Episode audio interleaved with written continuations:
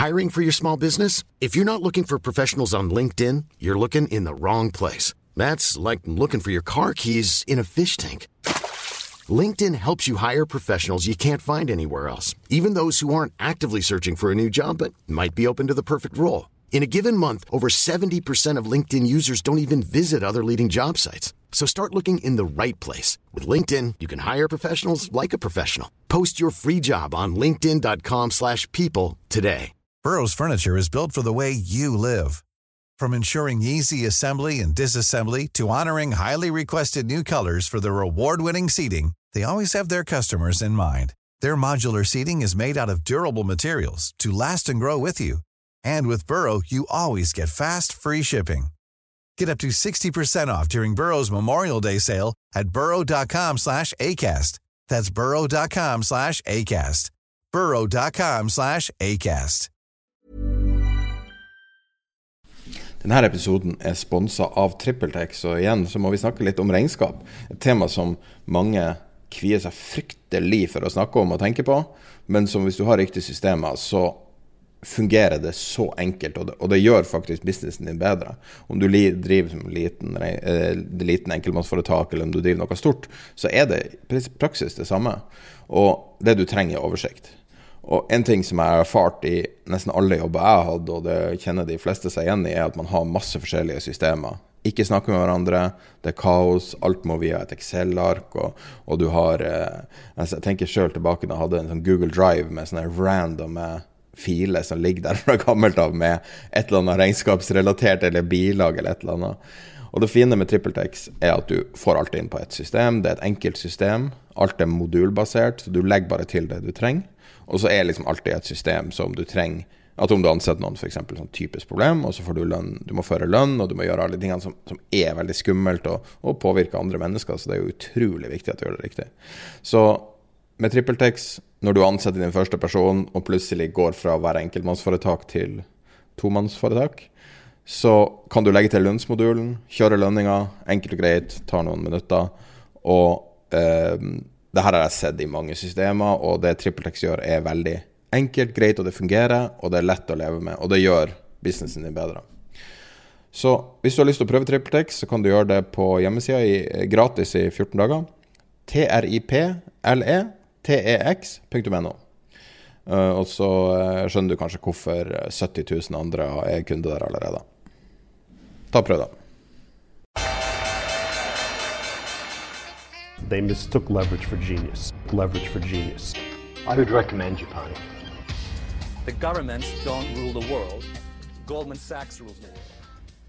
Velkommen til episode 156 av podkasten 'Tid er penger', en podkast med Peter Warren.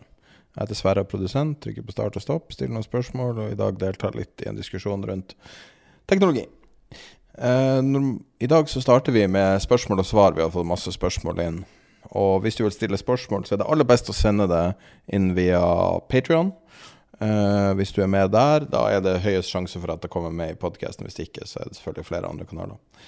Uh, ellers skal vi snakke om markedet. Det er jo et veldig begredelig markedsdag, spesielt for dem som er long. Og uh, det er mye å snakke om rundt både det som skjer i Kina nå, og på lengre sikt. Og så kommer vi til å touche inn på Netflix, og det kanskje større taktskiftet vi ser nå, det er jo mer en hypotese, da, men eh, fra undertegnedes ståsted så ser det ut som en større endring. Så snakker Peter om eh, det taktskiftet vi ser fra regjeringa, som man kan si er litt eh, umusikalsk. Og så uh, var det vel stort sett det. Uh, hvis du vil ha tilgang på alt ekstra Eh, materialet vi lager, i tillegg til de her episodene uten promo og reklame, så kan du gå på tiderpenger.no patrion og støtte oss der og få det tilsendt først av alle. Men da tror jeg vi går i gang med episode 156. Vi har fått uh, mange spørsmål siden uh, forrige episode. Uh, ja, usedvanlig mange. Ja, så jeg tror vi bare går i gang rett med spørsmål og svar. Det er ikke noe No time to waste. Kjør på. Uh, det er mange som lurer på om tradingmodeller. Du snakker om tradingmodeller og sånn. Kan du si på en enkel måte, på et minutt eller to, hvordan er det egentlig du bygger en tradingmodell? Ja, det, Nå kommer det veldig an på hva, hva, slags, hva man legger i uttrykket tradingmodeller. Noen legger da at f.eks. de behandler fundamentale data og drar inn informasjon, f.eks. nyheter fra Twitter og den type ting. Det, det har jeg aldri, aldri gjort. Men, men, du kan si at en tradingmodell kan være ekstremt enkel. F.eks.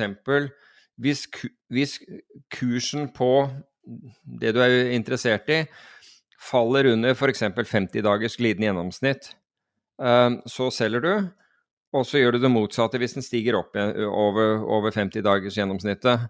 Det du da selvfølgelig håper at ikke skal skje, det er at den går, vaker opp og ned rundt det der 50 dagers gjennomsnittet. Men i, i tilfelle så bygger du da en modell som enkelt beregner 50 dagers glidende gjennomsnitt.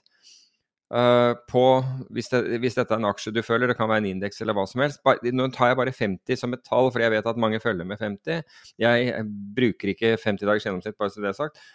Um, så du, da, uh, du beregner da gjennomsnittet, og så vil du da rett og slett ha en if-setning uh, som, som, da tilsier at hvis kursen er over, så, så, så, er du long.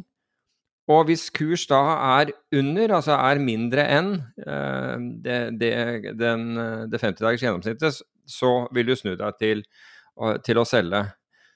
Men det fins mange måter og veldig veldig mange modeller og veldig kompleksitet i, uh, i modeller. Men det er et eksempel på, på en slik modell, og det, som rett og slett kan bygges med en enkel if-setning. Så har du selvfølgelig modeller som er vesentlig uh, mer avansert enn det. Uh, sånn som f.eks. maskinlæring og, og, og, sånne ting. Og jeg, jeg har ikke kunnskap til, å, til, til, disse, men jeg kan foreslå hypoteser og så jobber de med dataene rundt, uh, rundt dette og, og, opp, og, rett og slett kommer opp med en modell. Så Det er også en mulighet å, å gjøre, men da, det er ganske avansert, for å si det på den måten. Og det er mange om beinet som, som gjør det. Hva med å bruke sekundære kilder som Twitter og andre? Jo, altså fordelen med å bruke Twitter, f.eks. Du må jo definere hva som er det, det, du får problemet med i utgangspunktet, det er å definere hva som er en, en, positiv, altså en bullish eh, informasjon, og hva som er en, en, negativ eller bearish informasjon. Det må da defineres på forhånd, og så må du på en måte vektlegge et eller annet i ordbruken. Så nå er du liksom innenfor eh, i, eh, altså NLP, ikke nevrolingvistisk programmering, men, men, lingvistikk, da. Det er det ene. Og, og da, og, men det som er fordelen med Twitter, er jo veldig ofte så kommer det på Twitter før det kommer i, i, på offisielle medier. Og årsaken til det er at offisielle medier må sjekke og verifisere at den informasjonen de får, er riktig. Og Det betyr jo da at Twitter kan være raskere, men er mindre, for å si det, det forsiktig, presis. Slik at den informasjonen du får der, er, behøver ikke alltid å være riktig. Så hvem du følger på, på, på, og hvem og hvilke du følger på Twitter, vil da være være viktig. Men det er en ganske komplisert modell, tror jeg, altså å, å lage noe Men det er mange som, som har, um, har, gjort det, og, men de er gjerne high frequency. Altså med andre ord, de har, de er, de har superraske datamaskiner og servere som da står ved siden av børsens uh, server for at de skal komme først til matfatet. Så, så, akkurat det å handle på nyheter hvis du har f.eks. retail-trader, altså eh, en eller annen grunn kaller vi det småspare, men det er, det er ikke riktig uttrykk, for det, det, det høres det høres så mindreverdig ut altså, på en måte å, å, kalle dem det. For de kan jo ha heldagsjobb med, med, med å handle. Men de, de, vil sjelden ha ressursene til å, til å, kunne være akkurat der. De kan ha ressursene til å, til å ha enkle modeller som jeg beskrev i, i sted, som kanskje i tillegg virke på børsens uh, sluttkurs eller et eller annet sånt. Da koster ikke dataene mye, og det er enkelt å lage osv. Men fordelen bare for å ta en, en, en, ting helt avslutningsvis, er at hvis du lager en modell, så kan du ofte ta og backteste den modellen. Og det, du, det vi kaller det, er at du lager uh, modellen på et datasett hvor du, hvor du syns dette fungerer. Si at det er på de siste seks måneder, f.eks. Du bestemmer deg for at i løpet av disse siste seks månedene skal jeg da lage en modell, og skal jeg se om den fungerer. Og så, og så F.eks. endrer du til 53 dager istedenfor 50 eller 47 eller et eller annet sånt, hvor du ser at den fungerer bedre.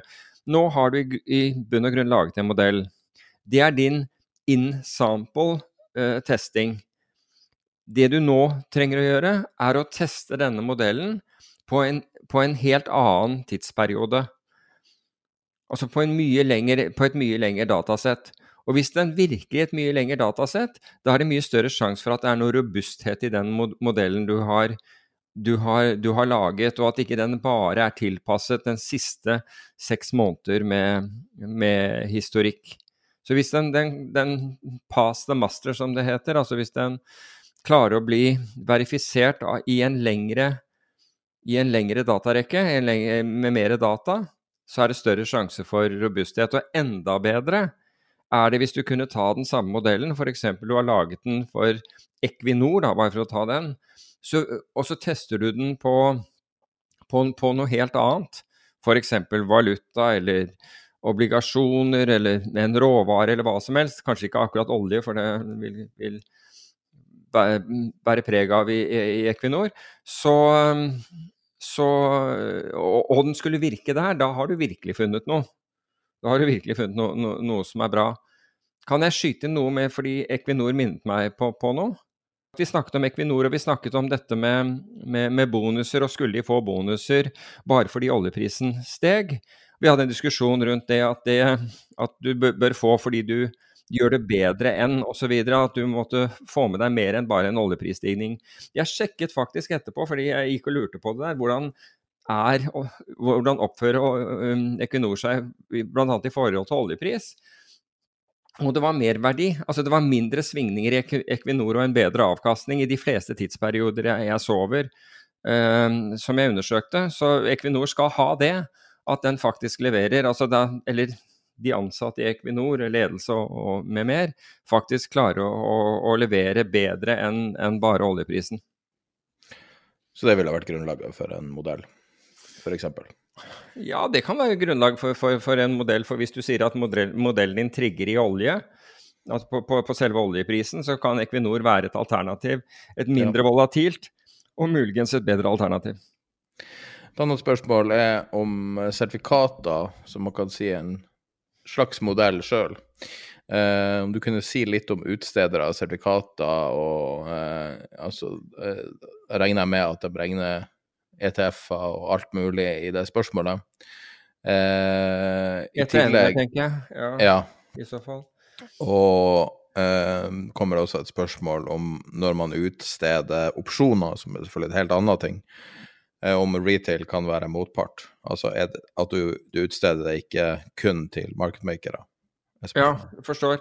Det, det, første når det gjelder Jeg oppfatter også at det du spør om er, er ikke, ikke, er um, vanlig sånn rentesertifikater, men, men sertifikatet tilknyttet uh, finansielle produkter, være seg olje eller en indeks eller et eller annet sånt.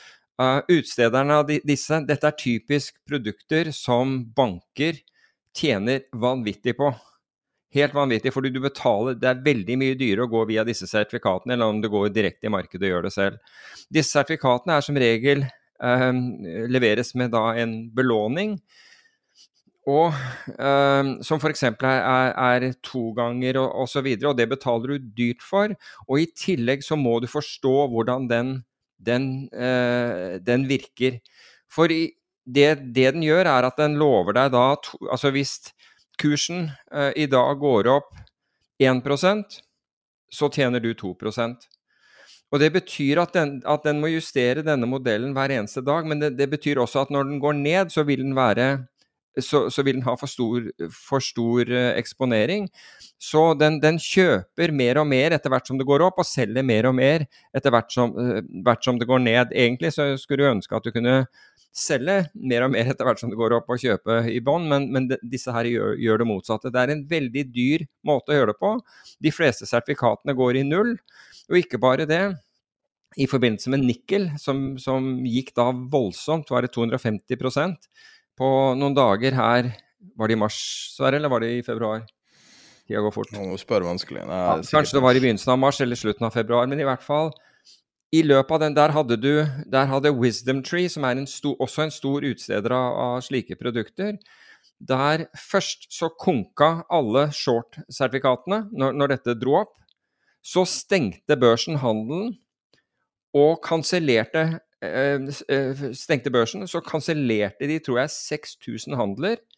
Og dette, noe som gjorde at kursen da en, ble en helt annen, og da konka short-sertifikatet samtidig. Unnskyld, long-sertifikatet samtidig. Så begge ble bare skrevet ned til null. Takk for deg. Så jeg ville ikke brukt disse sertifikatene, for, for, for, å si det forsiktig. De er ment å berike banker, og, og, kun det. Og det er de som er marketmakerne i de, og du er avhengig av deres at de stiller pris. Og hvis de syns markedet er vanskelig, så bare øker de spredden på, den, på, på disse. Og det er du som tar regninga. Det er, det er et dårlig, dårlig alternativ. Hvis jeg kan gå til andre delen av spørsmålet, når man utsteder opsjoner, kan kan en annen retail være motpart? Nei er, er, svaret for motparten din, hvis dette foregår på børs, er alltid clearinghuset, altså oppgjørssentralen. Så i praksis så er det oppgjørssentralen, så du vil aldri ha noe problem med en retail. Men hvis spørsmålet er kan retail utstede opsjoner, så kan de det hvis megleren din tillater det og du stiller sikkerhet. Så det kan være at det var akkurat den du kjøpte, var utstedt av en, av en, eh, en retail-investor, eh, eller trader, kall det hva du vil. Det er godt mulig at den var det, men du, din motpart er clearinghuset, og den retail-traderen som utstedte den, vil også ha clearinghuset som motpart. Så du har ikke noe motpartsrisiko, da, si, eller du har det på clearinghuset, men du vil aldri ha det på, på enkeltpersoner eh, eller, eller, for, eller, banker eller for så vidt marketmakere uh, hvis dette går på børs. For å bryte litt med formatet spørsmål og svar, så kan det være greit å definere clearinghus. Man kan jo si at det er kasseapparatet i en butikk. Der er det du betaler, og der er det du får betalt. Kassaapparat i en butikk der er betalt ja, ja, for så vidt. Du, du, har det som motpart hvis du handler i butikken. Men det er der pengene skifter hånd? Ja, det er der pengene eh, skifter hånd, men, du, men du, får, du, får, antageligvis ikke solgt altså Med mindre du er angro, så får du ikke solgt varer, til, eh, så får du ikke solgt varer inn til butikken. Men jeg skjønner hva du mener. Um, fra en bruker på Patrion her. Uh, er det noen eksempler på det man kaller tail risk-innganger på Oslo Børs? Du må gjerne definere det. Uh, ja, men, men jeg, jeg, tenker at uh, Jeg tenker at vedkommende som spør, skulle ønske at vi svarte på dette på torsdag og ikke i dag. I og med, i og med den uh, kraftige nedgangen. Men ja, det, det, er det. Men frem til nå har jo Oslo Børs utviklet seg bedre enn enn en de europeiske markedene, takket være at vi har hatt Takket være energi, rett og slett. Energi og, og, og gjødsel og, og, kraft, men fremfor alt energi i form av olje og gass, Equinor, som har gjort at indeksen har gått bedre. Mange selskaper har gått dårlig, men, vært, men på indeksnivå har det vært tilfellet. Det har jo også gjort at det har vært lite etterspørsel etter salgsopsjoner på f.eks. indeksen. Så her har det ligget en mulighet, hvis du ønsket å kjøpe out of the money Altså hvis du tenker på tail risk, så er det det vi kaller halerisiko, og hvor du legger halen er litt opp til deg. Den er sjelden at den er her hvor markedet er akkurat i øyeblikket. Noen gjør det fordi de tåler ikke mer, i hvert fall når børsen er nedover 3% men, men la oss si at jeg vil ikke at porteføljen min Altså for meg, jeg vil ikke ha tap mer enn 20 på porteføljen min. La oss si at det var, eh, var det du mente. Og jeg ønsker å beskytte den et halvt års tid frem, eller et eller annet sånt, eller, eller i år da vil du kunne kjøpe salgsopsjoner, og de er jo kronemessig veldig billige, fordi de har, de har, i hvert fall inntil i dag, hvor jeg tenker at volatiliteten steg ganske kraftig, inntil i dag så var de rimelige. Gans, gans, ganske rimelige. Men jeg ville ikke forsøkt å, å, kjøpe de på børs, men jeg ville tatt kontakt med en av de to store marketmakerne som er på Oslo Børs, og det er SEB og DNB. De, det, er andre, det andre marketmakere òg, men de to er, er størst og så hørt med marketmakeren direkte, slik at du får én pris på dette her, og ikke begynner å måtte klikke stadig høyere for å, for å, for å kjøpe bitte små volumer. For marketmakeren, hvis han er komfortabel med hvem du er, med andre ord at du, du, ikke er et vanvittig stort fond som kan finne på å selge eh, aksjer for, for 100, milli 100 milliarder på, på, på, Oslo Børs rett etterpå, så, vil de, så får han dekket risikoen ved at han shorter noen future-kontrakter eh, som han trenger, og så får du det produktet du vil ha. Det fins måter å gjøre dette billigere på gjennom opsjonsstrukturer, ratio, backspreads og sånt noe, men det tar meg litt for lang tid å, å forklare de i, i, i denne Q&A-en. Men det er tail risk. For hvis du skal ha halerisiko, så må du også ha noe vi kaller konveksitet. Og det vil si at det mer det faller, det, mer, det mindre long blir du hvis du er long i utgangspunktet. Hvis du ikke var long, så blir du mer short, og det er en ganske behagelig posisjon å være i hvis markedet faller kraftig. Slik at den er ikke lineær, den, den, har konveksitet. Altså med andre ord, den kurver positivt i din favør. Alternativet du hadde til dette, og det har du for så vidt, i hvert fall hvis, hvis volatiliteten jekkes opp, det er å bytte uh, porteføljen din med en kjøpsopsjon. Det kan også gjøres altså, Det er ikke så gunstig når, når volatiliteten er opp, eh, riktignok, men, men hvis du, hvis du f.eks. Rett og slett fordi en opsjon på å kjøpe indeksen 10% over der vi er i dag, eller 5 kontra en opsjon som gir deg retten til å selge børsen 5 eller 10% under der vi er i dag, de kjøpsopsjonene er vesentlig billigere enn salgsopsjonene. Og dette er fordi det er noe som heter skew i statistikken. Og hvis vi går tilbake i tid, så vil vi se at store, de største bevegelsene på børsen, altså store og raske bevegelser, skjer til nedsiden. Vi vet at markedet stiger over tid, det er, det er, ingen, det er ingen, eh, debatt om det. Men i størrelse, sjokk, har, da slår mye mer ut for, på, på nedsiden enn de gjør til oppsiden. Så vi blir mer redde enn vi, enn, enn vi, blir, enn vi blir, henrykte ved, ved, ved, negative kontra positive nyheter. Så det du kan gjøre, er å ta porteføljen din, kunne tatt, eller kan gjøre, er å kjøpe en opsjon som gir deg f.eks. rett til å kjøpe posisjonen din, altså kjøpe indeksen, hvis du har et indeksfond hadde et indeksfond, solgte indeksfond, så kjøper du en rett eh, på indeksen til, til, å kjøpe markedet 5 over. Da er, da, er, da er, på en måte problemet ditt borte. Du har, du har sikret deg til nedsiden. Du har betalt en premie for den, for den opsjonen, men du kan ikke, hvis, hvis nå markedet skulle falle som en kjent investor akkurat gikk ut og sa 30-50% så taper du kun premien på den opsjonen, og du kan kjøpe tilbake aksjefondene dine senere til en my mye billigere pris, hvis den prognosen som, som akkurat kom ut i det vi startet sendingen her, skulle slå til. Det er ikke halerisiko på samme måten, men, men, du, men du tar bort nedsiderisiko. Du får ikke den konveksiteten Eller du får konveksitet til oppsiden, men, men du får ikke konveksitet eh, til, til, nedsiden ved å gjøre det. Men, du er kvitt risikoen. Du har byttet risikoen mot, mot en premie. Eh, du har sagt at uh, det smarteste du kan gjøre i finans, er å bli megler. Jeg føler at det er en uttalelse du har sagt med litt tongue in cheek, for den som har hørt på podkasten en stund. Uh, kan du si hvorfor du mener det? Ja, det, det, det, fikk jeg også spørsmål da jeg holdt, uh, da jeg holdt foredrag, eller var på en Q&A-sesjon på universitetet nede på, på, Ås i forrige uke. Hva er det jeg mener med det? Jo, altså det jeg egentlig mener er jo at hvis, hvis du ser meglerlønningene i Norge, som er da kjempehøye, så er de i stand til å, å, å opparbeide seg disse lønningene uten selv å ta markedsrisiko.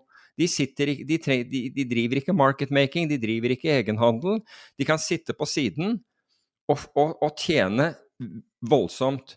Og når du vet at en gjennomsnittlig investor tjener i hvert fall ikke så mye, så, så, bare det får deg til å ønske å bli megler. Men siden vi nettopp snakket om opsjoner, så la meg beskrive det som en opsjon. Å bli megler er en call-opsjon på andres velstand. Det er en kjøpsopsjon på andres velstand. Fordi, hvis du får tak i, fordi du får en del av deres velstand hvis de er kunde av deg. Så megler er rett og slett en kjøpsopsjon på andre menneskers velstand. De produserer ingenting. De, de, de er mellommenn. Litt som Eller litt, det er helt som advokater. Eh, vi har et siste spørsmål der, men jeg tror det bryter med at vi ikke skal ha politisk snakk i podkasten, så jeg tror kanskje vi dropper det. Ja, men jeg skal ikke være politisk med det. Ok. Eh, du har sammenligna Boris Johnson og Donald Trump, Ja. og Eh, så tror jeg ikke jeg sier resten av spørsmålet. Jo, men, men, men, men det vedkommende eh, sa i spørsmålet, med, altså var jo at Bojo hadde ikke satt, satt i gang en, en væpnet revolusjon. Jeg vet ikke om, det er, om væpnet revolusjon er, er, er riktig når, når, med det angrepet på, på Kongressen, men det, er, det var langt på vei, det. Og, og det er for så vidt riktig. Altså, Likheten mellom dem er jo at de har et tilfeldig forhold til sannheten. Det er likhet mellom de to. Men jeg skal gi deg rett at uh, Bojo har ikke Altså Boris Johnson har ikke Har ikke, har ikke Det er, det er verken masseskytinger eller, eller væpnede revolusjoner i England. Men jeg kan fortelle deg at det er ikke Bojos feil. Fordi i England så er våpenlovene så strenge at du, at du må ha våpenlisens for å kjøpe deg et granateple. Så du kan liksom ikke sidestille det med, med, USA, hvor du kan gå inn og kjøpe deg et, et maskingevær etter 24 timer. Jeg husker jeg leste en gang at uh, det var syreangrep i London hver eneste dag. Ja, det var det en periode. Helt for jævlig. Jeg er enig. Men jeg tror vi skal kanskje snakke litt om det vi normalt fokuserer på, som er de finansielle markedene. Og når du våkna i dag, så var det nok ganske dyster lesing om det som skjer. Jeg tenkte jeg skulle bare oppdatere litt hvordan statusen er nå. Mm. Så det her zero covid-oppsettet til Kina virker jo å være helt Altså, det er nesten bevisst destruktivt for alt og alle. Og rapporter om at det her ikke fungerer, og at det sprer seg mer og mer, har nå ramma egentlig overalt, da. Så oljeprisen er ned ca. 5 i dag, har kommet seg bitte litt etter vi starta opptaket, men sånn ca. ned 5 på det verste. Kinesiske aksjer ned 5% Eurostox 50 ned et par prosent, Oslo Børs ned over 3% Og så begynte jeg å se litt så bare sånn litt lengre bilde, da, og hvem er det som har gjort det bra og dårlig så langt i år i det første kvartalet. Og da er det Shopify ned 67% Netflix 64 Coinbase 48 Facebook 45 Robinhood 43 det børsstuderte fondet ARK er ned 45% og så Schibsted, som er i samme, samme bransje som en rekke av de her selskapene, er ned 43 så langt i år. Oh, wow. Og på vinnersida year to date er det Strøm Futures. Den, den futurskontrakten vi trekker, eh, er opp eh, 112% så langt i år. Eh, og så Exxon Mobil har vi jo snakka om i godt over et år som et selskap som er lovende. Er opp 35 Og så artig nok så er både Flyr og Norwegian på plussida etter mange dårlige år for, for flybransjen. Og så Twitter opp 13% Ellers så var jeg bare og sjekka innom hva amerikanerne betaler for boliglån. Det er 5,11% nå. Høyeste på skal vi se siden 2010. Og eh, på julaften, altså den siste julaften, var det 3,5. Så det er nesten Det begynner å nærme seg dobling nå på den korte perioden. Samtidig som du hadde en eksplosjon i amerikanske boligpriser, og egentlig overalt. Eh, og så rett før vi starta nå, så fikk jeg ei oppdatering fra Kina fra en lytter vi har som bor der. Og han hadde en interessant eh, ting han sa. Eh, for det første så er han i ferd med å flytte nå, det sier han at de fleste utlendinger gjør, men det har han sagt før. Men Ut av landet? ja, Mm -hmm. at det går ikke an å bo der lenger. Eh, men han sier at eh, ryktet nå i Beijing er at full lockdown er venta. Han er i Shanghai, da. Wow.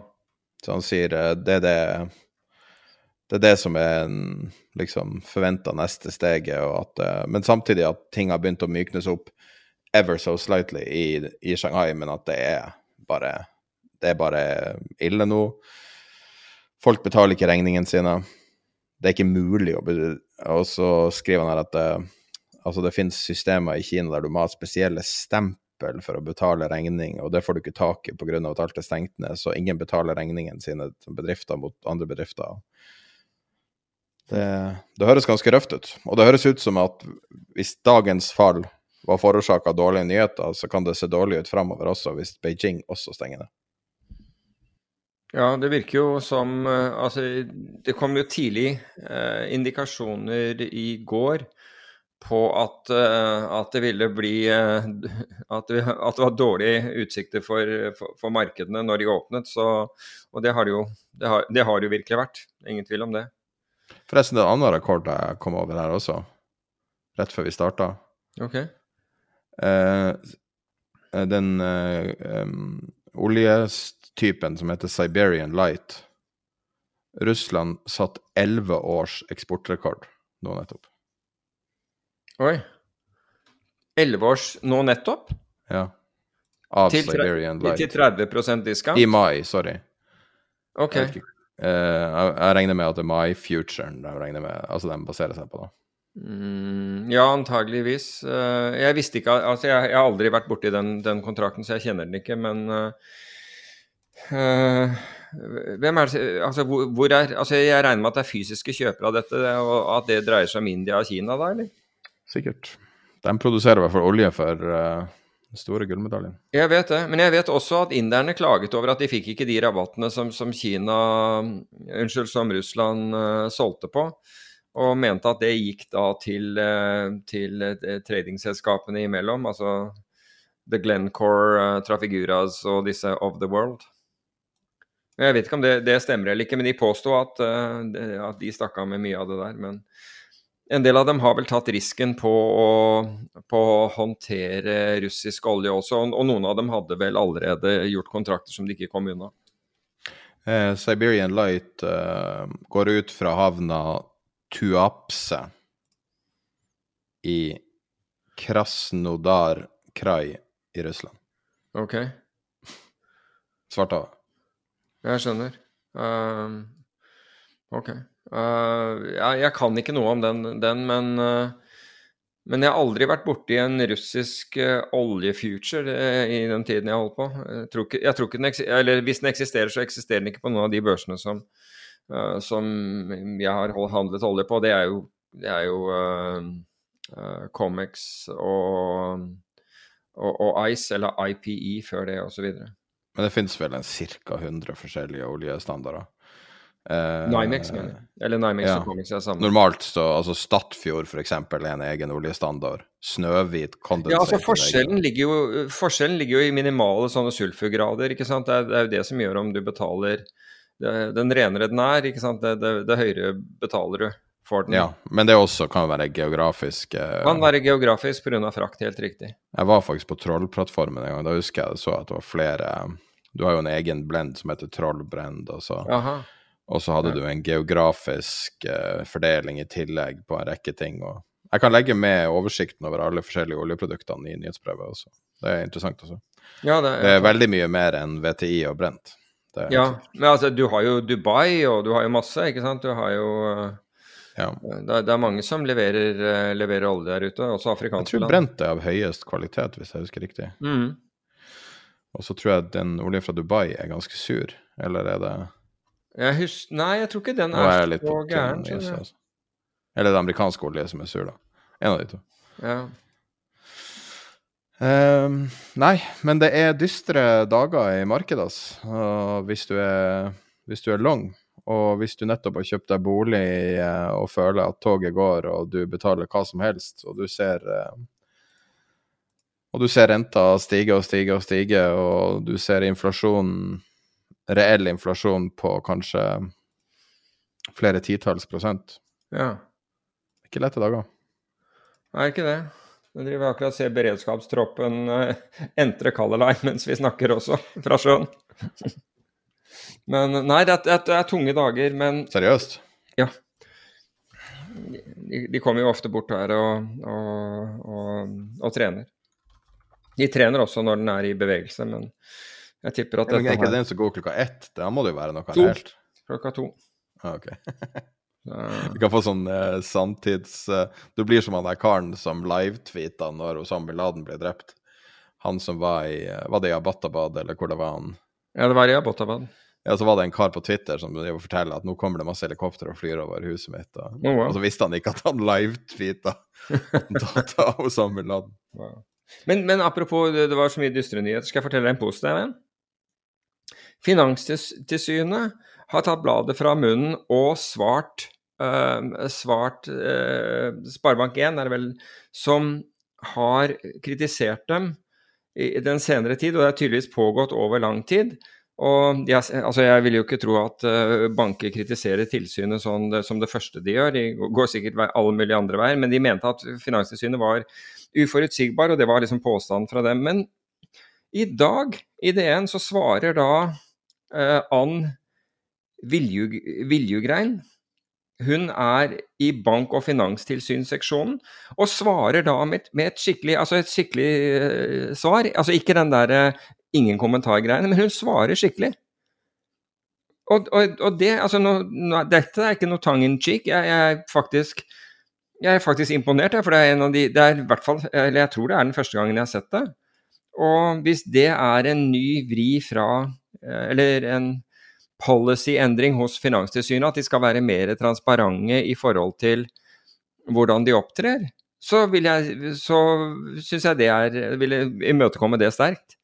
Jeg snakka med noen i tilsynet på fredag, og uh, fikk litt innsyn i hvordan de tenker, tror jeg. Og jeg tror ikke det er det at de verken prøver eller har noen andre ønsker enn å være transparent, men jeg tror de har et veldig si, nesten trangt mandat som ikke er forenlig med f.eks. For raske nyhetsbilder. Så det behøver ikke det... være raske nyhetsbilder. Det har jo vært Ja, Hvis du skjønner hva jeg mener. altså De, de tenker at vi, vi, altså, vi, forholder oss til det vi skal gjøre, daglig jobben. og så jeg har litt mer empati med deres uh, Altså, i en verden der de har et relativt begrensa mandat, f.eks. hvis du tar CFX som et eksempel av det her uh, mer eller mindre åpenbare svindelen som har fått foregå i årevis i Norge. Og grunnen til at Det er ikke bare kan, i Norge. Den, ja, overalt. Men ja. grunnen til det er jo at man har definert Altså man har på en måte antatt anstendighet blant folk. Sånn at man antar at alle som vil drive med sånn type ting, vil søke om konsesjon. Og ja, jeg, jeg hvis du på en måte bare gjør en Altså hvis du bare er utenfor systemet, så har vi vi har ikke historikk for at folk gjør det i stor skala. sånn at vi har ingen verktøy for å ta dem. Sånn at, at de kan sitte der og, og, bare blø ut hundrevis av millioner av uh, det norske samfunnet til det som Altså men, Og alt dem, alle, alle deres verktøy stopper med at de kan si, som de gjorde også, advare mot det. Ja, men, og, og, det jeg, og det gjorde de. Og det syns jeg er bra. Jeg, jeg, skjønner at det ikke er deres, deres bord, fordi dette er ikke et selskap under tilsyn. Men de har tross alt gått løs på, eller reagert overfor, heter det kanskje er riktig uttrykket, selskaper som er, ikke er under tilsyn, og gitt dem beskjed at uh, det de driver med, er ikke lovlig. Det har de gjort tidligere, antakeligvis fordi de skulle være un un under tilsyn. Men når det gjelder akkurat dette CFX, så har jo Finanstilsynet gått og advart mot, og det, det, det syns jeg det står i respekt av. Altså den, den, at man gjør det. Men det har vært tidligere tilfeller som, som vi kritiserte, hvor de, Finanstilsynet hadde oppdaget hva som foregikk, men fant ut at det var ikke deres bord og gjorde ikke en dritt med det. Med andre ord, ingen visste om det. Øko, det ble ikke sendt til Økokrim eller, eller noen andre. Så ja, poenget mitt er, er at uh, hvis dette her er en positiv trend hos, uh, hos Finanstilsynet uh, så, så, setter vi, så, setter vi, pris på den, altså at de er mer åpne. Men det som har vært, og det som, som jeg syns er, er, er liksom grovt, det er at de kan ruinere selskaper uten egentlig å få begrunnelsen prøvet på en ordentlig måte. Og det kan ikke være riktig. De kan ikke være så suverene at de ikke da må at de ikke kan stilles til rette eh, for det de gjør. Og så har du liksom dette, dette samarbeidet med Finansdepartementet, og meg vitende så har vel Finansdepartementet aldri overruled et vedtak i, eh, i eh, Finanstilsynet, så det har ligget for nær hverandre. og for mye liksom, Det har vært, det har vært for sløvt for lenge. Men hvis dette her er et, et forsøk fra deres side på å, å rette opp i, i, det, altså rett og slett fordi de merker at det er et samfunnsmessig behov for at de er mer åpne, så, så, er, så skal man imøtekomme det. det. Og det er en positiv sak. Um, kan vi snakke litt om uh, noe litt mer uh, med norske øyne eksotiske valutaer? Det er litt sånn store ting som skjer nå, mm. som um, i mindre og større grad blir lagt merke til. Så det ene er yen, da. Så igjen har Stup. svekka seg voldsomt uh, nå eh, uh, den siste tida.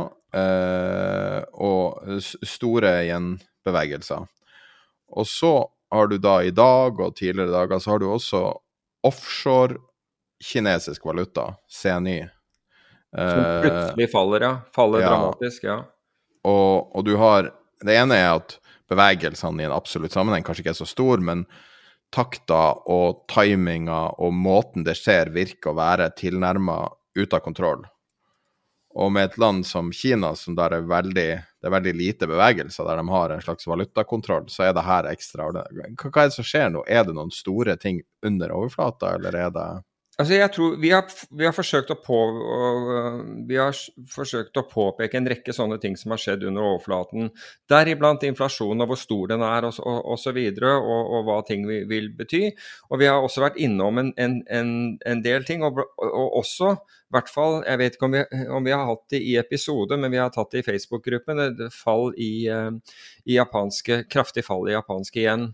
Det som skjer når store valutaer, for japanske igjen er en stor valuta, plutselig får en sånn, en sånn smell, da vet du at det er noen der ute som taper penger. Altså.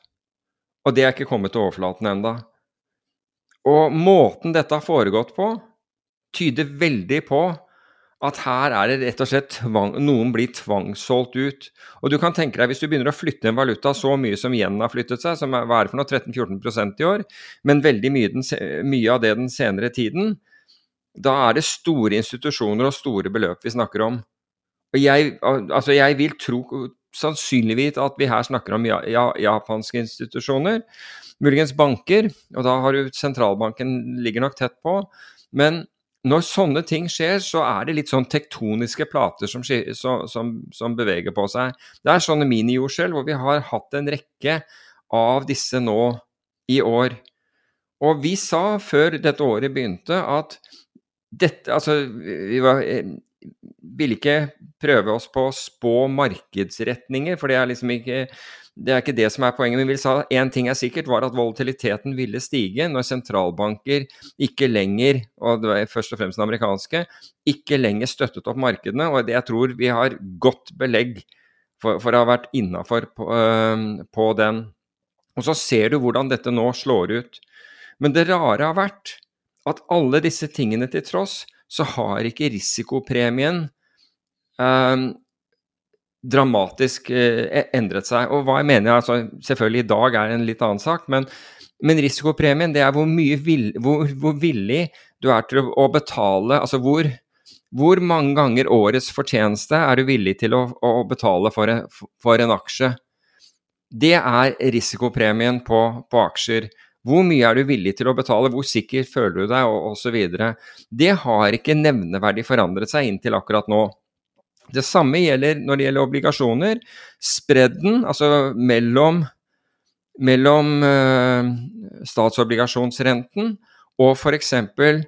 Uh, investment grade, som er den, den sterkeste ratingen som, uh, som private selskaper, altså aksjeselskaper, børsnoterte sådanne, kan ha.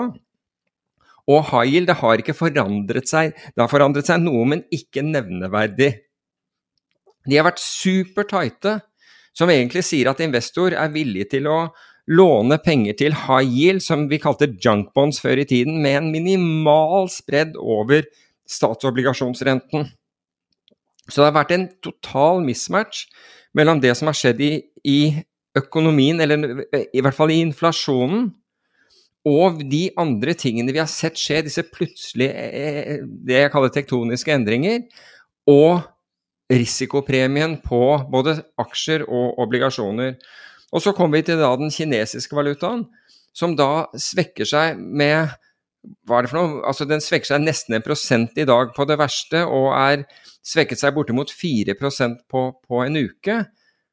Det, altså her, dette er valutaen vi snakker om kanskje skal bli et alternativ til dollar. Det er for øvrig en helt annen debatt som jeg er blitt spurt om, som, som krever lengre tid, som vi ikke skal ta nå. Men når en, når en hovedvaluta, kall det det, beveger seg så mye, Så for det første så vil det jo mye tilsi at den ikke er regnet som, som en, en, en, hovedvaluta. Da kan, du, da kan, virkelig bedriftene tenke seg over hvilke utfordringer de, de skal ha hvis de f.eks. skulle bytte ut dollarene sine. De som er da dollarbasert, skulle da være, være kinesisk valutabasert, eller gud forby rubel. Um, hvilke, hvilke, problemer de, de, de da kan få. Men alle disse tingene er er, er små vi, vi, vi, brukte i fjor husker jeg uttrykket 'sprekker i demningen', hvor vi begynte å se sprekker i demningen. Og det er blitt mange flere, for å si det på den måten. Det er blitt mange flere. Hvis du er aksjer i Robin Hood, så har den demninga sprukket for lenge siden. Også. Ja, ja, den har sprukket i, i mange ting. Demningen har jo, det er jo helt klart at du, du gikk jo gjennom en liste hvor du sa bare Facebook er ned 45% Ja. Det er jo klart at Year to date, altså. Ja, year to date, ikke sant. Altså dette har vært en av de en av favorittaksjene til Altså alle indeksfond har det selvfølgelig mye av det, men, men også en haug av kjente hedgefond har, har, holdt Nå vet jeg ikke om de fortsatt gjør det, eller om de har dumpa eh, på postene sine, som på samme måte som uh, Bill Ackman dumpet Netflix i, i, i forrige uke, men, men 45 det, det, skjer ting der ute. Og så har vi hele tiden sagt i Norge at Norge er immun, det er ikke noe problem. Se, børsen er opp og alt er greit. For vi har én aksje som holder børsen oppe, og det har vært Equinor som har, har holdt OBX-en oppe. Det er ikke sikkert at det er like sikkert, det er ikke sikkert, at det er like sikkert uh, som, uh, som, som man skulle tro. Og vi har sett dette med Oslo Børs tidligere, hvor Oslo Børs løper utfor stupet, faller ikke en millimeter fordi ingen ser ned. Og så plutselig blir man klar over at eh, er, ting ikke er helt greit i verden, og så er, så er, liksom, så er man i fritt fall. Jeg sier ikke at det skjer nå. altså vi har dette med, altså Nå er jo oljeprisen ned, og, og, børsen er veldig følsom for det. og Jeg tror ikke noen investor bør være eh, forbauset over Oslo Børs sin eh, følsomhet i forhold til oljeprisen. Men da, da, kan du i hvert fall uh, Uansett, det, uh, norsk økonomi går så det spruter. Man kan jo kalle det her altså det er jo Kall det en boblesprekk, eller kall det en fundamental reprising. Um, nå har vi et marked uten en lender of last resort, til en viss grad i hvert fall. Selv om den er der. Så, så du har ikke Fed som er aktiv i markedet på samme måte som uh, de siste 14 årene.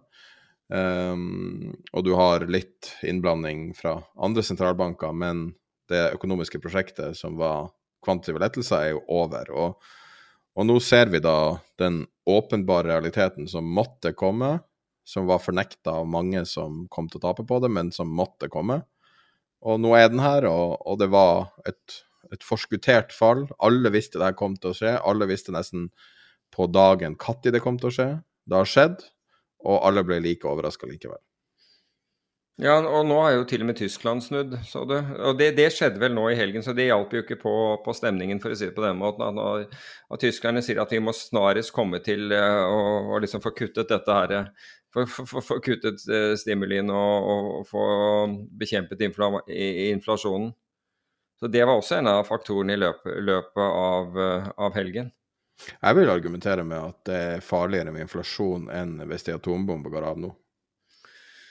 Uh, jeg vil ikke engang tenke på de to, eller tenke på de to i sammenheng, tror jeg. Uh, jeg har aldri sett en uh, annet enn på film, en atombombe gå av. Men nå har ikke jeg vært i Jeg husker ikke sånn ekstrem inflasjon. Det sagt så har jeg tross alt hatt boliglånsrente en gang på 12 Det, det bet litt, det. Ja, det jeg husker da jeg vokste opp, så gikk det alltid sagn om han som skrøt av å ha um, å ha fått fastrente på 11,5 eller hva det var. Å oh ja? Uff, det var en i det området der jeg bodde. Det gikk det gjetord om i veldig mange år. Men jeg ser veldig mange forvaltningshus nå pushe liksom, fordi de, Sikkert fordi de merker at investorene er eh, nervøse. Og dermed pusher de liksom aksjestoryen og bare ser hvordan aksjer har gitt beste avkastning du kunne få gjennom, gjennom lang, lang tid, osv. Men greia er at det, det, det stemmer jo ikke. For hvis du risikojusterte det, så ga obligasjoner deg, pga. nettopp det du nevnte nå, det rentefallet vi, vi, har, vi, har, hatt over de siste 40 årene, så har obligasjoner justert for, for, for risiko gitt deg bedre avkastning. Men for, fortsatt men, men, Og hvorfor? Hvorfor valgte man ikke obligasjoner istedenfor aksjer? For det er mye høyere kurtasje på aksjer, selvfølgelig. Er, så enkelt er det. Det var jo ingen kurtasje omtrent på, på obligasjoner. Så hadde du sittet med obligasjoner, og så, så, kunne du lastet opp til det dobbelte av hva du hadde i aksjer, og du ville fått en bedre avkastning. Men nå, nå må jo gjerne folk være i den, uh, i, i den villfarelsen, fordi det er tydelig at det, det bare, hvis noe bare gjentas nok ganger, så tror alle på den. Men nå, altså, men la oss si det, nå er en positiv ting for øvrig. For nå har jo amerikanske tiåringen den touchet nesten 3 i, eh, i, i forrige uke. Og grunnlaget og grunnen til at obligasjoner har falt så mye i verdi, er rett og slett at obligasjoner hadde en nær null eller negativ rente. Nær null eller negativ rente. Dette er myndighetene som har gjort, fordi sentralbanker har da pushet ned, kjøpt obligasjon, obligasjoner. Og når, når, det er stor etterspørsel etter obligasjoner, så betyr det at renten på dem faller. Og de har pushet det ned nær null og mange tilfeller til negativ. Det betyr samtidig, og dette har vi skrevet om for lenge siden um, Det fins en blogg jeg skrev, jeg, jeg, husker ikke om det var i fjor eller året før, men hvor, jeg, hvor min påstand var at obligasjoner ville ikke oppfylle diversifiseringskriterier lenger, eller sto i fare for å ikke gjøre det. Og Årsaken til det er at en obligasjon som har nær null eller negativ rente, har begrenset oppside på obligasjonen og nedside for renten. Det er begrenset. Det er, altså Enhver som skjønner det enkleste av matematikk, vil, vil oppfatte det. Allikevel så blir folk sittende i 60-40-porteføljer og alt, alt dette er andre til tross for det. Så blir man sittende med dette selv om man vet at obligasjonene ikke kan gjøre jobben. Og hadde man gjort det motsatte, bare snudd boken rundt, gjennom swapper og vært short obligasjonene isteden, så ville man fått effekt. For nå ser du plutselig grafer komme ut. Å, det er første gang hvor obligasjoner og, hvor obligasjoner og aksjer har falt nesten like mye i, i, en, i, en, nedgang. Ja, men hadde du vært motsatt vei obligasjoner, så hadde, null i så hadde porteføljen din ikke falt. Men samtidig, det her er jo, det her er jo en story som vi snakka om før det skjedde. Ja, at 60-40 var i ferd med å kollapse som ja, modell. Folk ikke skjønner det enkleste av altså, for, Du tenker hva er det forvaltere driver med? Og så forteller en, en, en meglersjef som jeg diskuterte med, han forteller liksom de har ikke hatt, har ikke hatt mandater til å gjøre det osv. Men ingen av dem Altså når, du, når det renner forvaltningshonorarer inn til deg, og du slipper å gjøre en dritt, da, da har du ikke tenkt å gjøre veldig mye. Da, altså, hvorfor skal du gjøre det? Så det er ingen som da Når, når man så renten går lavere, det er tydeligvis at bortimot ingen har tenkt kanskje jeg skal søke om å få om anledning til å bruke derivater i forbindelse med forvaltningen eller et eller annet sånt. Mange ting kunne vært gjort. Bortimot ingenting er gjort. Og det betyr jo at man, at man taper på begge bena. Men den gode nyheten, da, for å si det på den måten, er jo at når amerikanske tiåringer nærmer seg 3% så begynner du faktisk bli, å bli betalt for å sitte med, med obligasjoner.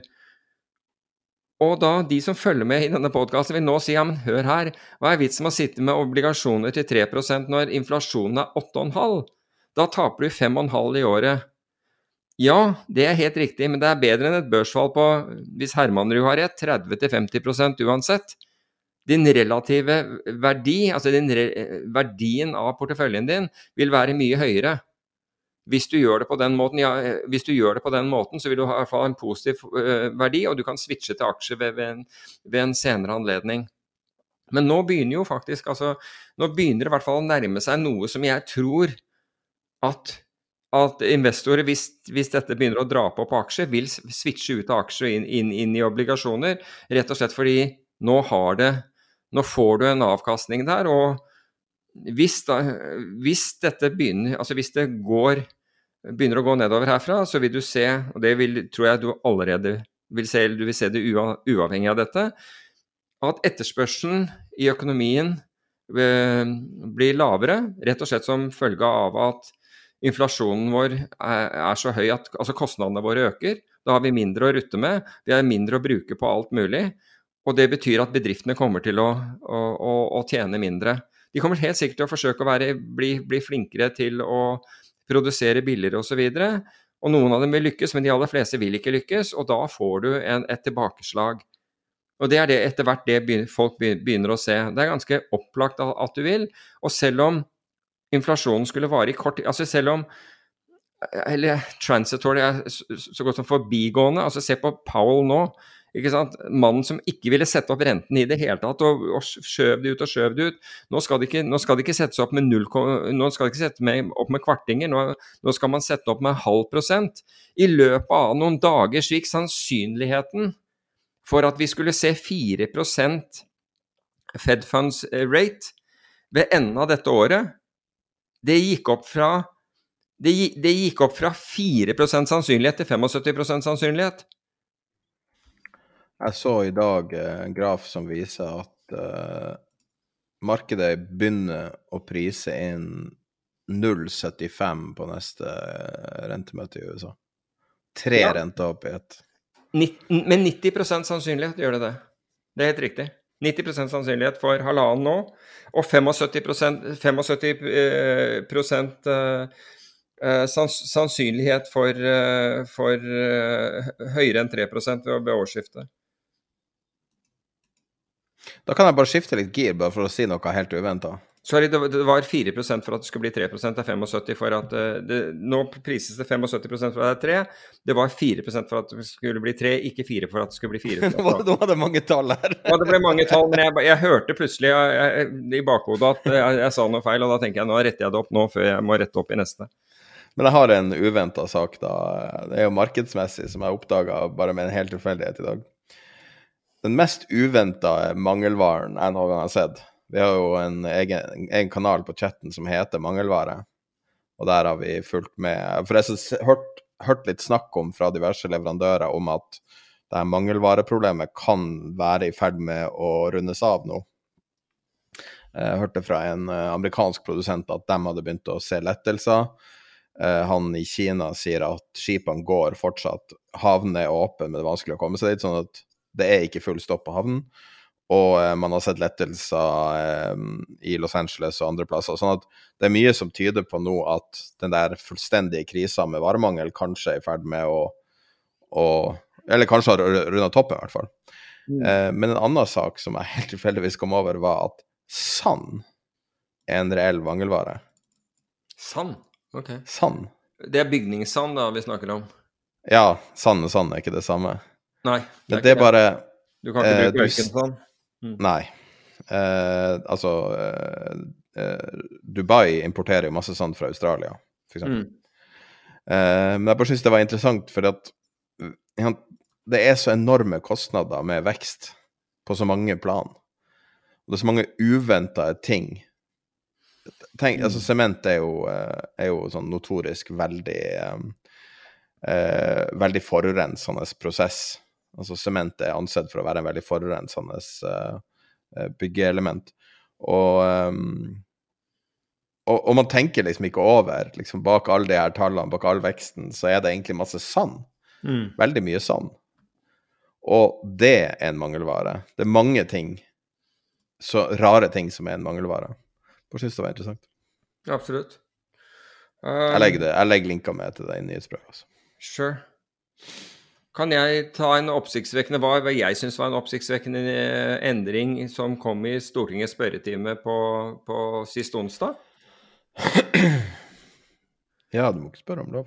Og det var jo Støre, eh, Statsminister Støre ble da spurt om, eh, om dette med, med strømpriser og, og bedrifter og, og, og, næringslivet som hadde da problemer og, og noen måtte, må, måtte stenge osv., og, så videre, og hvordan han ville forholde seg til det.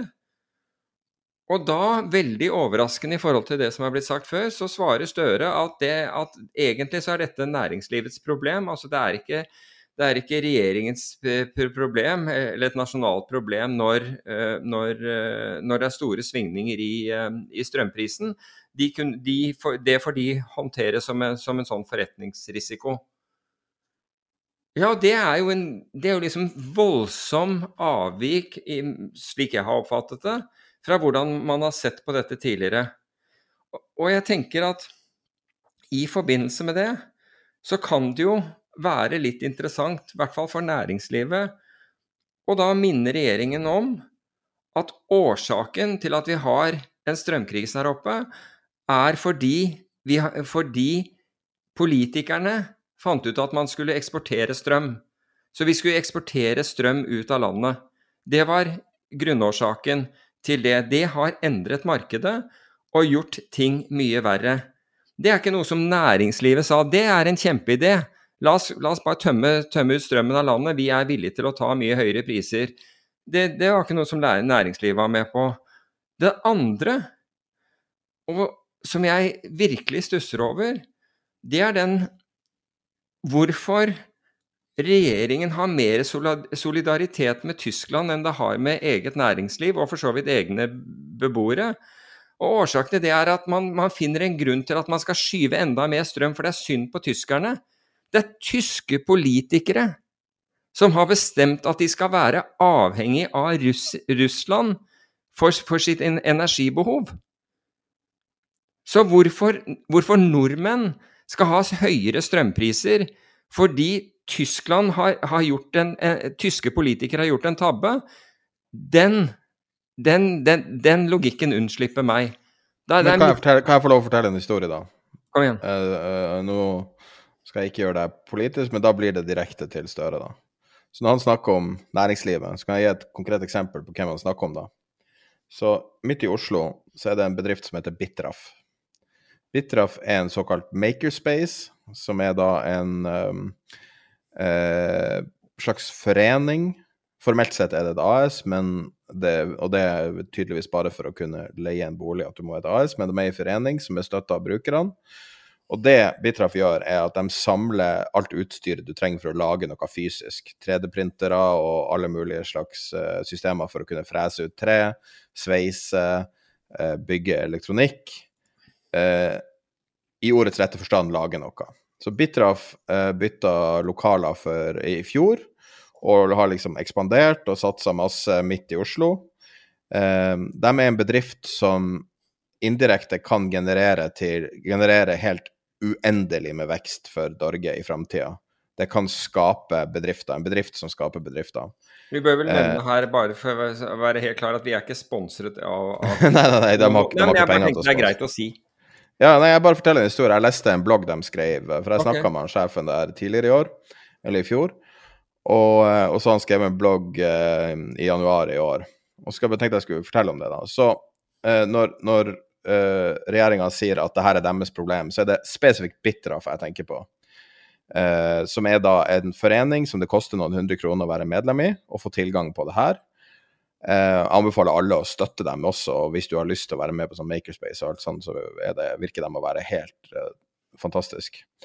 Uh, så det er uavhengig, da. Så på det verste måtte Bitraf betale 602 øre per kilowattime, og deres desemberstrømregning var på 68 288 kroner.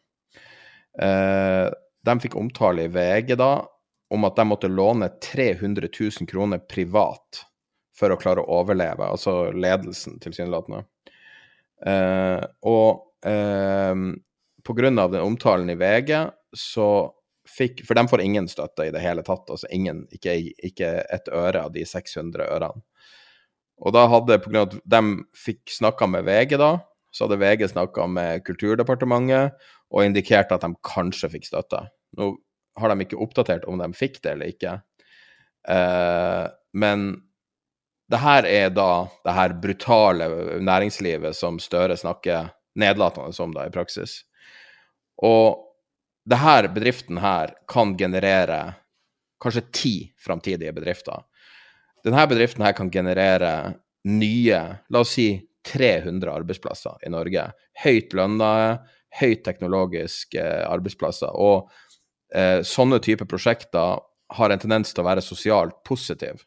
Så det er sånne typer folk som graviterer mot sånn her, eh, jobber veldig sjelden med olje og veldig ofte med fornybar energi eller lignende, eller de jobber med um, å, å, bygge roboter eller hva som helst. Men det er prisen når man sier til næringslivet 'fuck off'. Mm. Dere er ikke bra nok, vi er arbeiderbevegelsen. Og i Norge 2022 så, så er det på en måte det, det henger ikke på greip i det hele tatt. Vi er på vei inn i en peri altså denne perioden her Vi har skrevet en blogg tidligere om at det var flere hundre tusen bedrifter som var i fare, basert på diverse tall. Nå kan det være at et forholdstall er for høyt, men det er utrolig mye bedrifter i Norge som er på kanten av stupet pga. Eh, den trippeltrusselen som var covid, så eh, strømprisene, så inflasjonen. Og eh, alle her tre tingene har vært direkte kobla opp mot politiske beslutninger. Så eh, hvis man er klar for 20-25% arbeidsledighet i Norge Nå har vi en tredjedel av ansatte jobber i det offentlige, men det er jo fortsatt to tredjedeler som jobber i det private, og det private er små og mellomstore bedrifter. Og bedrifter som Bitraff, som egentlig ikke er en bedrift engang, det er en forening. Jeg vet ikke om de betaler lønninger. Altså, Dette er jo folk som jobber eh, jobber med fritida si ofte, og um, Nei, det er kvalmende å høre Støre snakke negativt om næringslivet. I hele valgkampen så var det ikke et eneste politisk parti som en eneste gang sa noe positivt om næringslivet, som jeg hørte. Jeg er kun opptatt av næringslivet i en politisk sammenheng.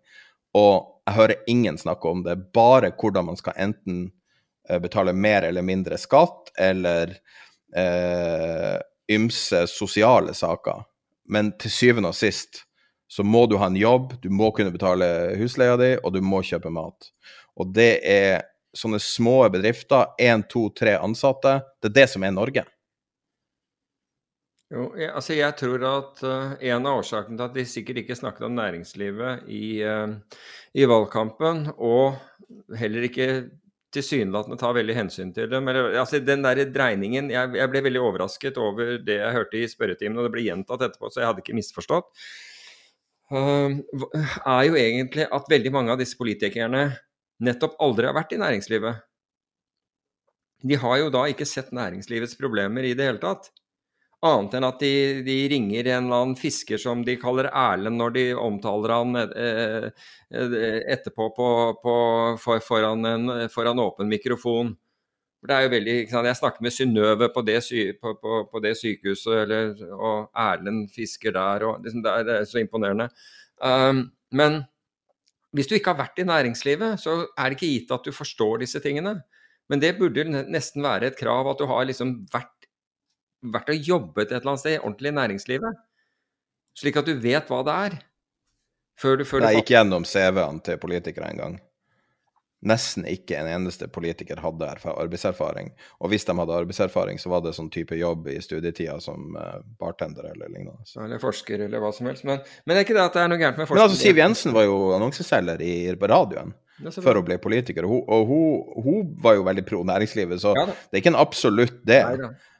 Uh, men, men, det er og, og, og, vi skal ikke snakke om politikk, og vi tar ikke noe stilling politisk. Verken jeg eller du er noen politiske mennesker, uh, og er ikke spesielt interessert i partipolitikk. Men akkurat når det kommer til de her, de her grepene rundt arbeidsgiverne, så er det ja. Jeg tror kanskje ikke de skjønner hvor jævlig det er å drive en bedrift å få det til å gå rundt et helt år. og Nei, gå i null. Den ut, usikkerheten man blir, eh, man blir, påført. Og det var noe om, om, utelivet, jeg husker ikke hvor det var. Det var jeg tror det var rett før, før helgen. og Hvor liksom de slet så voldsomt fortsatt. fordi nå, eh, for alle de ansatte de hadde, hadde sluttet, og når de prøvde å få dem tilbake igjen, så hadde de gått over i, i nye stillinger andre steder med, i, helt annen, i, helt andre yrker. Så nå måtte de betale mer for å få? Så kostnadene deres gikk opp. Fordi de var ikke blant de som fikk disse, disse som fikk mange millioner for, for, i, støtte. De, falt, liksom, de, de søkte antageligvis etter tre minutter etter at, de, at en halv milliard var gitt bort. Kan jeg bare si et, uh, uh, bare en liten kommentar til akkurat det, ikke for å avbryte deg? Ja, Hvis du uh, kom ut med handa på første øyeblikk à la Stordalen og sa 'gi meg penger' på dag én, så fikk du penger. Hvis du prøvde å tough it out og si 'jeg skal ikke belaste samfunnet', og så prøver du å få det til, og så går du da, la oss si, til oktober, november, desember i 2020, og så sier du jeg sliter med å få det til å gå rundt, jeg klarte ikke det jeg prøvde på. Så sier de alle pengene er brukt opp, programmene er ferdig. Tough luck. Ja, jeg, jeg husker det. Dette snakket jeg om da Is- Iselin Nybø dro til Svalbard. Og det var egentlig småpenger de trengte der oppe for å holde ting som snøscooterutleie i drift og alt mulig sånn, men hun kunne bare fortelle dem da at nei, pengene var allerede utdelt. Så det er jo, det er jo riktig det, det du sier, og liksom det er sånn hjerteskjærende den, den greien. Og når du ser hvilke problemer det har, og også hvilke sånn konkurransemessige endringer som blir rett og slett pga. sånn. Og Da skjønner jeg at noen elsker konkurser, fordi det liksom er mange som ikke, ikke da klarer den der, og, og antageligvis blir kjøpt opp for, for, for en billig penge. Men la meg dra noe positivt med, med det samme, fordi debatten var igjen handlet om kraft. Den var litt uoversiktlig, må jeg si, denne gangen, i hvert fall første delen. Men andre delen, der kommer han Den som, den som var sterk og klar der, var, var han som representerte Huseiernes Landsforening. Eh, Eller forbund, landsforbund, whatever. Og han klarte å forklare dette på en enkel måte. For han sa i Norge så har vi hatt en form for trekant. Du har hatt kraftprodusentene, staten og forbrukerne. Og det har vært et sånn visst sånn forhold mellom disse, ikke sant, hva, hva dette her skulle koste. Men så har du fått denne enorme prisstigningen, og så har alt gått til kraftprodusentene og staten, og forbrukerne har måttet betale. Og, og han sa det kan ikke være vanskeligere enn at man, at man går tilbake og ser på hvordan dette forholdet var, og bare justerer, justerer det slik at forholdet er intakt. Altså det at forbrukerne hadde, hadde Altså alle nøt godt av at, at kraften var kraftprisene var, var eh, lave i Norge. Vi hadde jo de eh, naturressursene, og det er en av de få liksom, virkelige ressursene vi har hatt, og som gjelder alle. Kan du si fisk hva du vil og alt mulig sånn, det er ikke alle som spiser fisk, men det er herren fløte med alle som bruker strøm, bortimot. Så hvis du bare hadde gått tilbake igjen og sett på den og sagt at hør her, den tredjedelen av dette her skal gå tilbake igjen til til, eh, til, til forbrukerne, næringsliv, forbrukere alle, og bare fordeles over de, så hadde du sannsynligvis ikke hatt noe problem. Men det som er problemet, er at de to andre tar alt, og spesielt staten. De to, ikke sant, de, det, er, det, er, ingen solidaritet whatsoever. Noe, altså, hvis du hadde hatt en solidaritet og jeg, jeg mener Arbeiderpartiet står da for det. Det er jo en av de tingene virkelig sånn kampsaken deres er solidaritet. Så la oss nå se den solidariteten, da. Det kan ikke være så viktig. Macron, som Støre er veldig imponert av, og jeg er også glad for at Macron vant eh, valget i eh, Frankrike. Alternativet var ikke noe godt.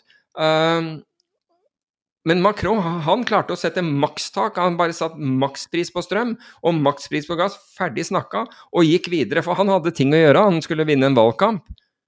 Mens her skal vi bruke Det, det skal utredes. Det kommer til å holde på med, med 69 måneder med utredning. Lurer på hva den koster, jeg. Uh, skal drives frem og tilbake. Vi må passe på at noen ikke får litt mer enn andre, og vi må passe på at de som Nei, her skal vi bruke, her skal vi bruke politikken vår til å til å skattlegge noen mer enn andre. Altså, det er så mye mikking. Istedenfor å vise handlekraft og bare si, vet du hva, vi står for solidaritet, bang, det skal vi fikse. Ikke sant? Two in the chest, one in the head, job done, som en eh, kollega av meg i militæret ville si. Det var kanskje litt grovt, men det er greit. Jeg skulle akkurat si at det så ut som Donald Trump var tilbake på Twitter, men det var han ikke. Men uh, Ja, hører før, ja, det, før uka er omme, så er han vel tilbake. det er mulig, men DWAC falt 18% sist uke. Jeg bare nevner det. Jo da, men altså Fins det noe bedre forsikring å kjøpe seg enn å kjøpe Twitter når den sannsynlige neste presidenten er helt obsessed av Twitter? Jeg så panikk. Ja, det, det kan du si. Å, fytti rakkeren. Du tror det er det? Uff a meg. Ja. Jeg vet ikke. Ja. Men det er for dealen er i ferd med å gå gjennom nå, er meld siste meldingen. Så. Ja. Nei. Jeg vet Skal vi hva- snakke litt om hva som skjedde med Netflix? Ja, gjør det. Fordi den der, der, skal, der som i covid, eh, da covid altså først brøt ut, der var du tidlig, og det var du med, med Netflix også, så go ahead. Ja, da, men det går an å være for tidlig også. Ja, ja, jeg har, ja, jeg har hatt problemer med det mm, mye i livet, jeg, men, eh, men du skal ha kred for den. Men, Nei, men jeg tror vi snakka om det i 2019, var det ikke det rett før det fallet som var da? Jeg tror det var da vi snakka om at ikke, at det var var, lav Jeg var i hvert fall på, på podkasten og lagt merke til av, eh, av flere, og, og trukket opp nå i ettertid. Ja, men altså, kursen er lavere nå enn den var på bunnen da. så Ok, det er bra. eh, Nei, så Netflix eh, Ja, det er, jo, det er jo kjent hva som har skjedd eh, i det siste, da. Eh, men eh, de er et vekstselskap som ikke vokser lenger, i likhet med kanskje mange. Eh, og naturlig nok blir du hardt straffa for det, der folk vedder på eh, liksom å Når du er investor der, så vil du eie TV, eller, eller hva man skal kalle det. Altså, det er det du satser på. Og hvis du da ser utsiktene av at det her kommer ikke til å bli eh, liksom det altoppslukende eh, monopolet som du håpte på, så er det ingen vits å eie det. fordi at enten så er det så winner takes it all, eller så er det en lite bruddstykke av det er ikke verdt noe. Og eh, Netflix har jo er finansiert seg med gjeld. Jeg tror det er 20 milliarder i året på innhold. Hvem er den store konkurrenten, by the way? Netflix? Eh, Ja. Det er vanskelig å definere. Nå er det vel Disney. Okay. Men uh, naturlige konkurrenten som man alltid har snakka om, er HBO. Så det man har snakka om i begge selskapene, er eh, Kommer Netflix til å bli HBO før HBO blir Netflix? Mhm. Og eh, svaret er jo ser jo ut som at mm, Hvis du ser på veksten, da, så vokser net, eh, HBO vokser fortsatt. Eh, nå tar jeg det fra hodet, men jeg tror det er to millioner nye brukere med siste oppdatering, mens eh, Netflix har flata ut og er litt negativ. Nå skal det jo også sies at uh, uh, de tapte jo en del kunder med en Russland-boikott de ble tvunget, tvunget til uh, pga. sanksjoner. -hmm. uh, jeg tror det var 300 000 russiske betalende. Så nå, nå kaster de kitchen sink på å prøve å, å, å få vekst tilbake igjen, og skal slå ned på passorddeling og sånne type ting. Men den historien er jo på en måte over, fordi at Netflix har hele tida overbetalt for alt av innhold, og har satsa på kvantitet over kvalitet, helt klart. Og um, alle som på en måte hadde en idé om noe som helst, så har det stort sett blitt laga de siste årene, leda an av Netflix og et par andre aktører. Men jeg syns det er litt interessant her å se uh, hva Netflix-storyen egentlig handler om. For jeg tror at det er noe mye større enn bare Netflix kollapser. Og så kan man si, ja, er det det kobla opp mot Facebook, det at liksom internettreklame ikke funker lenger. Og det tror jeg er en faktor. Men så tror jeg det er enda større enn det, at det er sånn slutten på en epoke. Eh, den første epoken var bare internett, at internett skulle fikse alt, og pets.com og alt det fram til 2001. Eh, og så forsvant det helt, og så var det ingen som snakka om noe. Og så kommer da selskapet som Facebook ut av uh, ruinene etter dotcom-krisa, og Amazon overlever og blir gigantisk, og, og, og den storyen. Og så endrer bildet av internett, hva internett er. Uh, går fra å være liksom bare, bare det at å være connecta, være på internett var viktig, men så blir det det å, å selge brukerdata. Og så finner jo Google på sitt briljante manøver som heter PageRank. Og så kommer Facebook inn og bruker Hva er det for noe? Eh, det er bare en måte å rangere Altså Larry Page, det er oppkalt etter han. Det eh, men det er en rangere hjemmeside eh, basert på eh, hvor mange linker opprinnelig, og så nå tusenvis av datapunkter. Men det er I praksis får du jo et signal når du søker, sånn at eh, eh, som et reklameprodukt så trenger de egentlig ikke så mye sporing. Mens Facebook var utelukkende sporing. Og, og normaliserte sporing, normaliserte det at folk på en måte, Det var ingenting som var hemmelig lenger, alt var til salgs. Hvis du går og søker på et par støvler et sted, så følger de støvlene der rundt på internett. Og alle som har gjort det, prøvd å søke på noe, har sikkert opplevd det, at du får targeta reklamer og re retargeting og alt mulig. Mm. Og når Apple gjorde den endringa i fjor sommer, altså for ett og et halvt år siden, eh, som de da implementerte nå, så tror jeg internett forandrer seg som alltid, og det er det vi nå ser resultatet av. For når du da ser hva alle de her milliardene av venturekapital har blitt brukt til, så altså på alle de her oppstartsselskapene i USA, så virker veldig mye av det å ha gått til reklame. Fordi at det er en måte du kunne av at algoritmene var så, de var så flinke å overvåke folk, og da med vektoren være Facebook eller Instagram, det er samme algoen bak det, og de klarte å forutse din oppførsel så bra, basert på at de hadde så utrolig mye data om deg. De har jo en overvåkningsenhet à la Stasi i hvert eneste hjem. Og, og, du kan overvåke alt og så systematisere det med kunstig intelligens. Og det er det de har fått gjøre helt ubegrensa. Og så nå er det stopp. Nå, det, nå aksepterer ikke samfunnet det lenger. Og så ser du da at plutselig masse forretningsmodeller begynner å ramle. F.eks. det at Netflix slutter å vokse plutselig. Da kan man si at eh, kanskje er det det at alle har innsett at Netflix har vært dritt ganske lenge, og at det har blitt en vits. Eller så kan det være det at de gamle modellene var at Facebook kunne kjøpe seg vekst via target og reklame. Facebook er, man vet ikke helt sikkert, men er sannsynligvis største kunde av Facebook, eller en av de aller største på reklame. Eh, største kunde av Amazon på data. De her selskapene er snurra sammen og selger mye til hverandre. Eh, og nå når du ser på taperlista, som jeg leste opp i starten, Shopify f.eks. er helt 100% avhengig av Facebook-reklame. Uten Facebook-reklame så funker ingen av de her nisjebutikkene lenger. Alle baserer seg på samme strategien. Så det er veldig utsatt. Netflix er en veldig stor reklamekjøper. Coinbase, uten å sjekke det, vil jeg anta har brukt veldig mye penger på internettreklame. Og det er jo også noe noe vi har sett nå med uh, etterspillet av Superbowl. Da var jo det det store, sånn krypto, alt var krypto på Superbowl. Og reklama funka ikke. Og uh, Men- men- det konverterte ikke i det hele tatt. Og da begynner man å se indikasjonen på at når man ikke har sporing, så er man tilbake til steinalderen på reklame. Mm. Vi er tilbake på 1980-tallet, liksom. Men du sa samfunnet aksepterte det ikke. Var var det konkurrenter som gikk imot dette, eller, eller hvordan oppsto det? Nei, det var nerder i lang, lang tid som var helt hysterisk opptatt av sporing. Og så kom det til Apple, som Apple er jo en av de få selskapene som ikke har lykkes med søkemotor eller eh, reklame. De hadde jo et sånt reklameprodukt de prøvde å selge til appene sine, som jeg tror ble avvikla, men det funka i hvert fall ikke. Så de har ingen skin in the game i reklameverden. Så jeg tror strategien deres var å vingeklippe alle andre for å styrke seg sjøl med å ta posisjonen som anti-sporing. Aha. Og når de tok den posisjonen så tydelig, og Facebook kommer ut og sier dere ødelegger businessen vår, det blir så mye dårligere, så sier alle vi hater Facebook. På samme måte som at hele verden har sagt vi vet at dere har stjålet til oligarkene. Vi vet at dere er tyver. Alle vet nøyaktig hva dere er, så vi tar yachten din. Vi trenger ikke noen rettsprosess. Alle bare vet det. Det er et absolutt faktum. Og på samme måte så kunne Facebook si det her, og, og de får ingen, altså Facebook får ingen støtte. Ingenting. Det er ingen som og, og på sikt så kan jo ikke et selskap overleve når alle hater dem. Du er bare avhengig av det. Det er jo også, som- det er også som en crack-dealer. De, eh, altså de selger et veldig, veldig avhengighetsskapende produkt.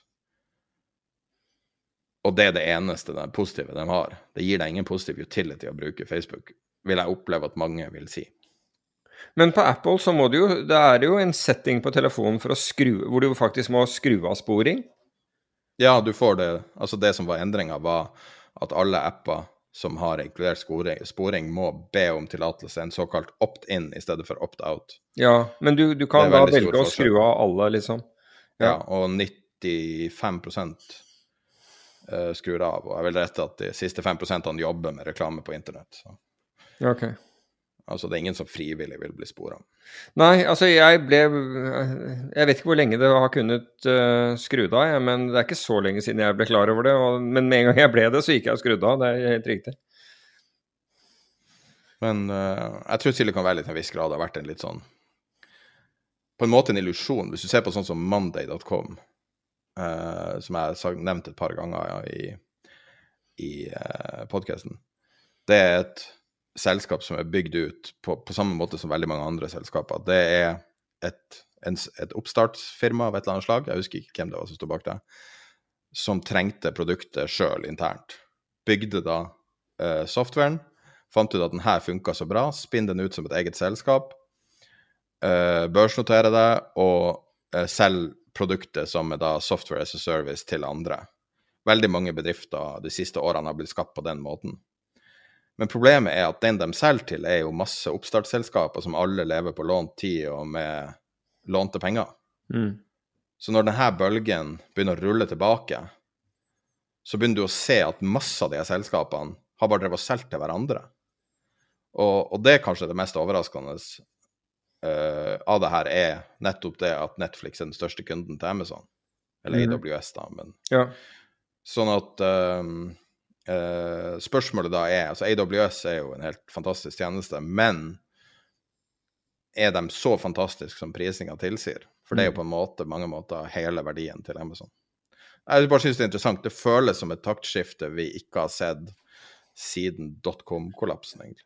Nei, altså jeg, jeg husker jo du mm, Dette med sporing før jeg skjønte Eller jeg skjønner sporing, men jeg, før jeg skjønte at ja, ja, viktigheten av det og at det ville bli borte, så, så, drev du og snakket om det og sa at dette var en veldig stor ting. Og jeg må jo si at jeg, jeg angrer på at jeg ikke spurte deg mer om det, slik at jeg forsto det bedre og, og kunne trekke noen slutninger og, og, og lage noen posisjoner på det. Men sånn er det jo alltid når man ser ting bevege seg voldsomt i ettertid. Men uh, jeg, jeg trodde egentlig ikke på at du at, at omtrent du kunne slå ting av med en bryter så fort. Jeg, jeg, jeg kunne bare ikke se for meg at den industrien ville, ville endre seg med Altså på, på et øyeblikk.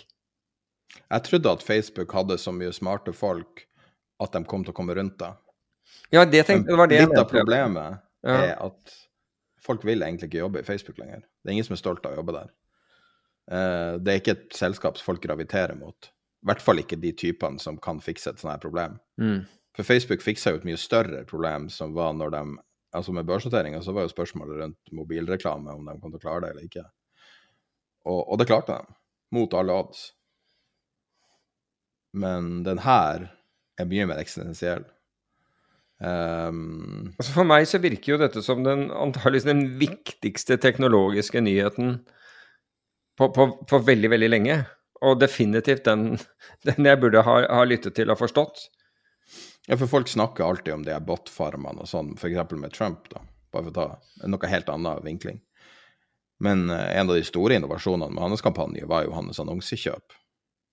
Og Facebook har jo nå skrudd på masse politisk kjøp igjen, som de kort tid skrudde av. For de er helt desperate etter inntekter. Og det er jo også en legg i de her tingene her, fordi at folk har vent seg til å sitte og, og bare tømme penger, altså tømme kortet sitt til Facebook hver eneste dag. Man har gjort det så lenge. Så det tar tid før du skjønner at det her funker ikke lenger. Og jeg har vært sjøl kjøper av Facebook-annonser i tidligere geskjefter, og, og um, det går alltid i bølgedaler der, men her bølgedalen uh, kan bli veldig dyp. Men hvis du er stor nok, så får du jo på en måte bare hele markedet, men da kan du jo like gjerne kjøpe forsida av en avis eller noe Mm. sånt. Altså. Men så ser du jo Schibsted blir jo ramma også. Schibsted selger jo masse programmatisk reklame, så uh, ja. Mm. Det er interessant. Jeg tror bare, jeg tror verden blir bedre av det her, det er det som er viktig, da. Tenker på det der norske, det sånn grusomt selskap som jeg husker ikke hva det heter engang, men som drev med Nå. Ja. Ja, jeg vet ikke hvor, jeg tror de er med i USA nå, men som drev med Altså, grusomt fordi at de, drev, de sa liksom Ja, vi er et oppstartsselskap, vi skal spore deg i den virkelige verden for å gi deg targeta reklame. Så bare Hva er det her slags forferdelige ting dere driver med? altså, mitt ståsted er at det her er jo, det her er jo sånn antisosial oppførsel. Mm. Hvem vil Og så Nei, jeg vet Det er jo litt mer enn å spore deg på kredittkortdata, dette her. Men det viste seg, jeg hørte en Eller leste en, er vel riktig, eh, at, at disse videoappene, sånn som Zoom og Teams og alle disse her, ikke Altså, de samlet inn lyd selv om du skrudde av mikrofonen. Det var bare motparten som ikke hørte deg, men de hørte deg. Altså maskinene deres hørte deg. Altså, telefonen din er kapabel til å bli avlytta Ja, dette, dette er telefonen selv hvis du tar ut batteriet, tror jeg. Altså, det er Eh. helt, helt absurd hvor mye Men hvis du putter det i en sånn her pose sånn Faraday- eh. Faraday-pose, Mm. eh, så kan du spore så kan du, Men utover det så er telefonen din alltid kapabel til å spore deg. En, en, en kinesisk, la meg kalle han embetsmann, eh, som jeg traff i Shanghai, han, eh, han sa det tok 20 minutter fra, det, fra du tok ut batteriet til de ikke kunne høre på deg mer. Men da tror jeg vi klipper tilbake igjen, for det her forrige segmentet måtte vi klippe bort. fordi at eh, det der kan vi ikke snakke om. sånn er det bare.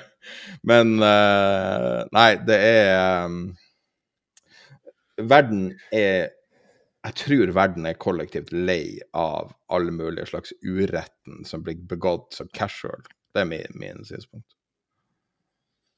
Ja, sikkert. Altså, jeg tror fryktelig mange bryr seg døyten, men, men hvis de vet hva de blir utsatt for, så tror jeg de bryr seg. Ja, og det er det, det, er det som er forskjellen nå, at det her har blitt en, har blitt en front and center story på grunn av Apple. Og jeg så i, senest i dag at det var noen som anklaga Apple for å ikke innovere en, et researchfirma, og nedgraderte dem i dag. Mm -hmm. Noe som er ganske uvanlig å se at Apple blir nedgradert, for det er jo en av de mest elska investeringsobjektene. Um, og, og, der vil jeg si jeg er uenig. For det første så har du da den megamuligheten med de her brillene som uh, ligger liksom rett under overflata hele tida. Uh, når vi Altså uh, augmented reality-briller som er mm. rykta veldig, veldig lenge og veldig tydelig og veldig sannsynlig at det kommer som et potensiell erstatning av telefon. Eller like stort marked som telefon. Og på den andre side så har du da et selskap som har en veldig på en måte, traust og robust forretningsmodell. Så av alle de her tech-selskapene så er Microsoft og Apple fortsatt eh, kongene, altså. Mm. Helt siden midten av 80-tallet. Altså det Godt gjort. står hardt. Ja visst. Ja, men de lager jo Altså, begge har eh, veldig tydelige forretningsmodeller, og det er ikke noe visvas der, liksom. Ja. En som ikke hadde så tydelig med forretningsmodell, er, var jo Melvin Capital. det, det Først så taper du 50 i en, en uh, På én aksje, var det vel, på GameStop. Og så sier du til de investorene dine beklager, jeg tapte 50% men jeg stenger fondet, men du kan få være med på et nytt fond. Uh, jeg stenger det, hva var det, i juni, og du kan få være med på et nytt fond fra juli hvis du vil. Noe som betød at hele det tapet måtte tas av investorene, og, og, det var ikke noe high watermark ville gjelde, slik at de måtte at, at, han ville tjene Han ville få inntekter fra første, første dollar igjen. Så han ville ikke tape noe, bare investorene. Det er jo helt utrolig. Det er umusikalsk, det. Altså, jeg, jeg syns jo av og til at fondsleverandører gjør umusikalske ting, men den der, den Jeg tror han skjønte selv at det ikke var helt innafor. Hmm. Det er jo helt utrolig. Gabe Men oljefondet tapte nå 600 milliarder på det siste kvartal, eller? Ja, men altså, hva venter du med, med en hva, med, hva, venter du med en 70-30-portefølje? Og en Long podcaster på toppen. Hva sier du? ja, og en podcaster i sjefsstolen. Ja. det kan umulig gå bra. ja, da ser du hva podkastere kan få til. Det er ikke dårlig. Men en 70-30 long, long, aksjer og long obligasjoner, det, det går ikke bra når markedene faller. Så enkelt er det. Da må du gjøre noe annet. Men, men det vil jo ingen at, at de skal gjøre, og da er det jo greit. Og sånn er det. Ja. Nei, men da tror jeg vi har vært innom eh, det meste vi hadde tenkt å, å snakke om i dag. Mm. Og så uh, kommer jeg som vanlig til å sende ut et nyhetsbrev etter uh, eh, podkasten er publisert. Uh, det, vi, vi, har jo en del grafer. Vi, uh, Peter ramsa opp en 15-20-tall i stad på rad som er litt vanskelig å følge, så vi legger sånne ting med i, både som linker og alle linker. Så vi har eh, litt eh, dybde på hva som skjer igjen. Uh, en interessant artikkel fra New York Times som ikke rakk å diskutere, som hvordan bullshit har distrahert fra satsing på grønn energi. Uh, legg med en link til Jared Kushner sitt nye WC-fond. Jeg vil bare si at det var litt påfallende hvor lett han klarte å hente to milliarder dollar til et WC-fond fra Saudi rett før Trump skal tilbake inn på scenen. Oh. Men uansett, den dokumentasjonen er veldig latterlig. Eh, og så eh, bare litt sånne grafer, f.eks. Sprott Uran, ETF-en, som vi snakka om tidligere. Og så litt sånn um, Kanskje ikke så lett å, å lese, sånn som uh, Vix Move, Spreaden osv., som jeg legger med i, i det. Eh, I tillegg så er det litt forskjellige ting, sånn som norske handelsbalansen og sånt, som er veldig påfallende. Og så fant Skal jeg forklare kort hva VIX move-spreaden er? Ja. VIX er jo volatiliteten, altså på SMP 500, altså den implisitte volatiliteten som er i opsjonene på SMP 500-indeksen, mens MOVE er en, en, tilsvarende, altså VIX bare at gjelder opsjoner på amerikanske statsobligasjoner. Så når VIX, uh, VIX Move-spredden har falt, så er det rett og slett for obligasjonsvolatiliteten har steget voldsomt, og det har den. Ja. Og den er på nå på touchen er på laveste noensinne. Mm. Jeg legger også med det brevet som Pershing Square sendte ut uh, til sine aksjonærer etter de ble måtte selge med stort tap i Netflix. 400 millioner dollar tror jeg de tapte. Ja, og så litt grafer rundt um, Jeg jeg funnet ut en ny ting jeg tenkte skulle gjøre i nyhetsbrevet. Det var at jeg skulle sende en skjermbilde fra nbim.no, altså uh, oljefondet sin nåverdi, i mm. hvert. For da har, vi et, da har vi historikk på det. Fordi at det er ikke en lett måte å se historikken på hjemmesida, så da har vi historikk i nyhetsbrevene. Mm. Nei, og hvis du vil ha nyhetsbrevet tilsendt, tiderpenger.no nyhetsbrev, så får du det gratis hver gang etter episoden. Men da tror jeg vi runder av uh, 156. Den kan vi gjøre. Ha en eh, fortreffelig uke. Ha det bra. Imagine the softest sheets you've ever felt. Now imagine them getting even softer over time. That's what you'll feel with Bowl and Branch's organic cotton sheets. In a recent customer survey, 96% replied that Bowl and Branch sheets get softer with every wash. Start getting your best night's sleep in these sheets that get softer and softer for years to come. Try their sheets with a 30-night guarantee. Plus, get 15% off your first order at bowlandbranch.com. Code BUTTERY. Exclusions apply. See site for details. Even when we're on a budget, we still deserve nice things.